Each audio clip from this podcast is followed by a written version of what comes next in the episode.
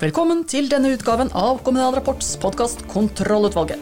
Mitt navn er Hanne Wien, og i studio har vi også, som vanlig, politisk redaktør Agnar Kårbø. Vi har et bra opplegg i dag også, ikke sant Agnar? Det har vi absolutt. Vi skal snakke om mottak av flyktninger og tall som betyr noe for kommuneøkonomi og lønnsoppgjør. Det er to viktige områder for Kommune-Norge, men vi skal også snakke med arbeids- og inkluderingsminister om mottak av flyktninger. Det kommer mange. Det er fortsatt en brutal krig eh, ett år etter angrepet mot Ukraina. Så vi spør hvordan skal dette utvikle seg. Mandag kom den foreløpige rapporten fra TBU, altså Teknisk beregningsutvalg for inntektsoppgjørene. En deilig samling tall, som sier noe om lønnsvekst og prisvekst i fjor, og ikke minst utviklinga for i år. Det er tall som teller når vi nærmer oss et lønnsoppgjør, og som blir vanskelig siden det er dyrtid. Og hva har vi under eventuelt? Bør ordføreren være påskehare? Dagsorden er godkjent.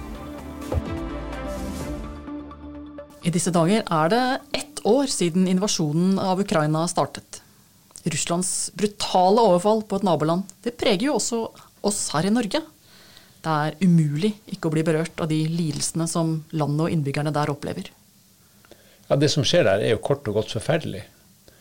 En liten trøst er jo at solidariteten med Ukraina er stor her i Vesten og i Norge. Det, det er nødvendig, ikke minst for å kunne hjelpe de mange millionene ukrainske borgere som er tvunget på flukt.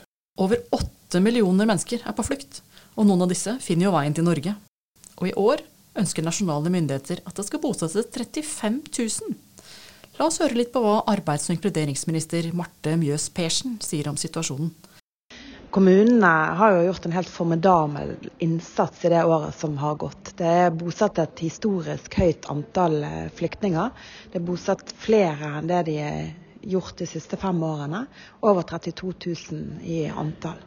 Og um, bosettingsviljen er veldig høy. Eh, og det, i den dialogen jeg har med kommunene, så er jo det også uttrykk eh, både for en solidaritet med det ukrainske folk, som eh, lider etter Putins eh, brutale krigføring. Men det er også et ønske om å inkludere flere i lokalsamfunnene rundt omkring også lokalsamfunn og kommuner rundt om i det ganske land har jo gitt uttrykk for at eh, mange av de som kommer, er også en viktig ressurs i de lokalsamfunnene de kommer til. Og alle norske kommuner i hele landet har bidratt til dette arbeidet, og det syns jeg òg er helt eh, fantastisk og egentlig ganske unikt. Og så har jo vi sendt ut en ny anmodning eh, om eh, å bosette omtrent like mange i år som i fjor. Antallet kan jo bli enda høyere, eller det kan bli lavere. Det kommer jo litt an på krigens utvikling. Det som skiller denne gruppen flyktninger fra mange av de andre flyktningene som vanligvis kommer til Norge, er jo at det er veldig mange barnefamilier, mange barn som kommer, men også eldre mennesker. Eh, og det at barn kan begynne raskt i barnehage, skole, tror jeg er veldig viktig. Men også at eh, voksne kommer i utdanning eller arbeid og kommer i gang med livene sine. Så på lang sikt så er det jo det å klare å utnytte den kapasiteten. Vi er jo et stort land, mange ulike lokalsamfunn. Eh, så handler det jo om å mobilisere de ressursene rett og på en god måte. Og det tror jeg vi skal få til i sammen. Er du like optimistisk? Både òg. Jeg tror kommuner og lokalsamfunn vil stille opp for uh, ukrainske mennesker som trenger beskyttelse, men også for andre flyktninger. Men selv om velviljen er stor, så har jo kommunene for lengst signalisert at dette blir utfordrende på flere områder. Og nå har vi nettopp sett at flere kommuner, f.eks. Lørenskog og Ålesund, begge store og ressurssterke, antyder at det kan bli krevende å innfri forventningene om barnehageplasser, helsehjelp og boliger. Jeg spurte derfor IMDi-direktør Libe Ribemoen på den samme pressekonferansen om hva som var de viktigste tilbakemeldingene fra kommunene. Dette var det hun sa. Først og fremst at det er stor vilje og evne til å fortsette å bosette tilstrekkelig antall eh, flyktninger også i 2023. Men de melder om eh, flere utfordringer. Det første gjelder bolig. Tilgang til boliger og tilgang til boliger nær kollektivtransport. Det andre de melder, er at det er utfordringer knyttet til ressurser i flyktningtjenesten og voksenopplæringen. Og det tredje som mange melder, er at det er et press på fastlegeordningen, helsetjenester og andre tjenestetilbud, slik som barnehage og skole i enkelte kommuner. Hvis eh, kommunene bosetter i samme omfang som hittil, så ligger vi an til å bosette 32 000 flyktninger. Men UDIs siste anslag er jo at det kan komme 45 000 flyktninger. Bekymrer dette statsråden og IMDi-direktøren? Ikke offisielt. Ehm, de er jo klar over utfordringene og snakker om dem. Eh, så er spørsmålet når utfordringen blir til skikkelige problemer. Men selvfølgelig, hvis de gjør jobben sin, så planlegger de for store ankomster i, eh, i de statlige direktoratene og departementene. For det er jo ingen grunn til å tro at denne krigen ikke kommer til å bli langvarig. Det er millioner av mennesker på flukt i Europa eh, fra Ukraina, og, og noen er da i, selvfølgelig fleste i nabolandene. Men vi vet at Norge har gode ordninger for mennesker på flukt, og vi kan ikke se bort fra at flere finner veien hit, også blant dem som nå befinner seg i et, i et, annet, i et annet, naboland. Og Selvsagt skal vi stille opp. Norge har jo ressurser, vi må ikke glemme det. Men vi må også tenke fremover, slik at vi er i stand til å håndtere situasjonen om ett år også.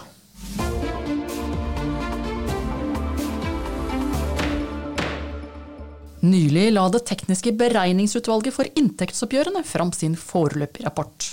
Dette utvalget, TBU blant venner, har som jobb å sørge for at partene i arbeidslivet og myndighetene forstår hva som skjer i norsk økonomi. Altså hvor stor var lønns- og prisveksten i fjor, og hvor stor kan vi regne med at den blir i år, blant annet. Med andre ord viktige tallstørrelser. Og tallene er ikke minst en del av grunnlagsmaterialet til vårens lønnsoppgjør. Dette utvalget det ledes av SSB-direktør Geir Akselsen. Men han har med seg representanter for partene, fint ord forresten, altså eh, arbeidsgivere, arbeidstakere og noen departementer. Og fra KS, de er representert med sjeføkonom Torbjørn Eika, og han har vi med oss nå. Du, eh, er det tøffe tak når eh, slike rapporter skal lages? Nei, det må jeg si. Altså, jeg har vært borti disse utvalgene nå i nesten 35 år, fordi at jeg har hatt en annen hatt på, nemlig den nøytrale SSB-hatten på i et tidligere arbeidsliv. Uh, og jeg kan bare huske én lisens. Uh, og det, egentlig så er det slik at det er veldig stor grad av fred og fordragelighet, fordragelighet, men det er klart at av og til så har man litt motstridende interesser. Eh, men dette er jo en gjeng med fagfolk da, som først og fremst skal eh, få fram eh, faglige forhold. Du, Hvorfor er denne TBU-rapporten viktig for politiske og administrative ledere i Kommune-Norge? I og med at det er veldig mange veldig viktige spørsmål knyttet til økonomi da, som tas opp i rapporten. Og, og på, ganske bredt, på ganske bred basis. Det er alt fra inntektsfordeling, også utenfor eh, de som bare har lønn. Eh, og det er, eh, og det er konkurranseevne, og det er, det er svært mange spørsmål som, som, er åpenbart viktige for folk for å kunne tilpasse seg optimalt.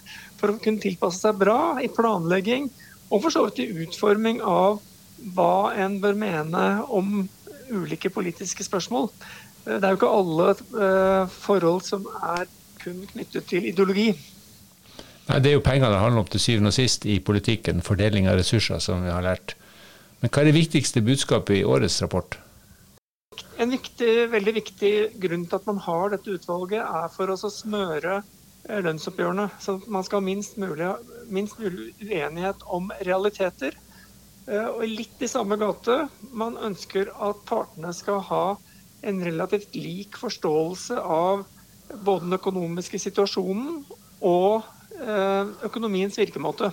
Hva som på en måte er de viktigste eh, forholdene. Hvis man kan heller snu på det og si eh, hvordan ser det ut foran årets oppgjør. Ja, hvordan da, ser det ut? Ja, nettopp. Og da er det, i hvert fall det som er helt sikkert at det ser ut, er at prisveksten kommer til å bli høy.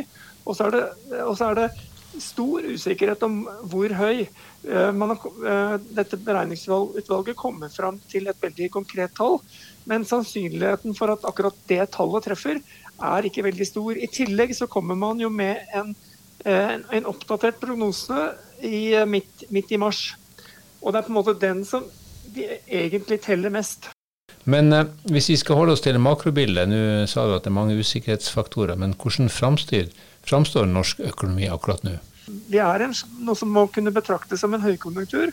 Og så venter alle at det skal komme et uh, omslag. Og spørsmålet er selvfølgelig hvor klart omslaget blir, uh, og når det kommer. Utsiktene er at det kommer til å altså Alle regner med at det kommer til å gå At, at um, aktivitetsutviklingen blir svak framover. Det blir med andre ord vanskelig å lage et uh, kommunebudsjett med så mange usikre faktorer? Eller ikke minst revidere budsjetter utover året? Ja, men der har jo regjeringen nå kommet uh, med noe informasjon da, om hvordan de skal håndtere kommuneøkonomien i uh, revidert nasjonalbudsjett. Og det er det noe det bidrar til, så er det å redusere nettopp usikkerheten.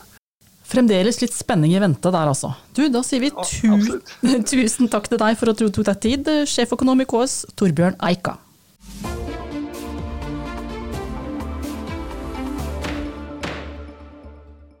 Ja, da har vi kommet til eventuelt. Um, altså I Sandefjord der har uh, uavhengig representant Tore Sebastian Nilsen han har foreslått at uh, den uh, ja, kanskje ikke årlige, men i hvert fall uh, si, annethvert-årlige rebussen, som de, påskerebussen som de har i Sandefjord kommune, at, skal, at, årets rebus den bør starte med at varaordføreren og ordføreren stiller opp ved hvalfangstmuseet iført påskeharedrakt.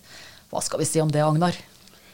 Det er en veldig god idé. Det er viktig at eh, kommunen profilerer seg på veldig mange nivåer og viser at de ikke tar eh, ordførerne ikke tar seg sjøl så veldig høytidelig. De trenger selvfølgelig ikke å ta på seg ordførerkjedet. Det må, det må være for, forbeholdt litt mer høytidelige anledninger. Men en påskeharedrakt må jo være innafor. Altså, tror du at ordfører og varaordfører, altså at partiene deres kommer til å sanke mange stemmer Absolutt ikke. Absolutt ikke. Det kan vi utelukke. Vi har jo en veldig profilert eh, politiker på sosiale medier, Olaug Bollestad fra KrF.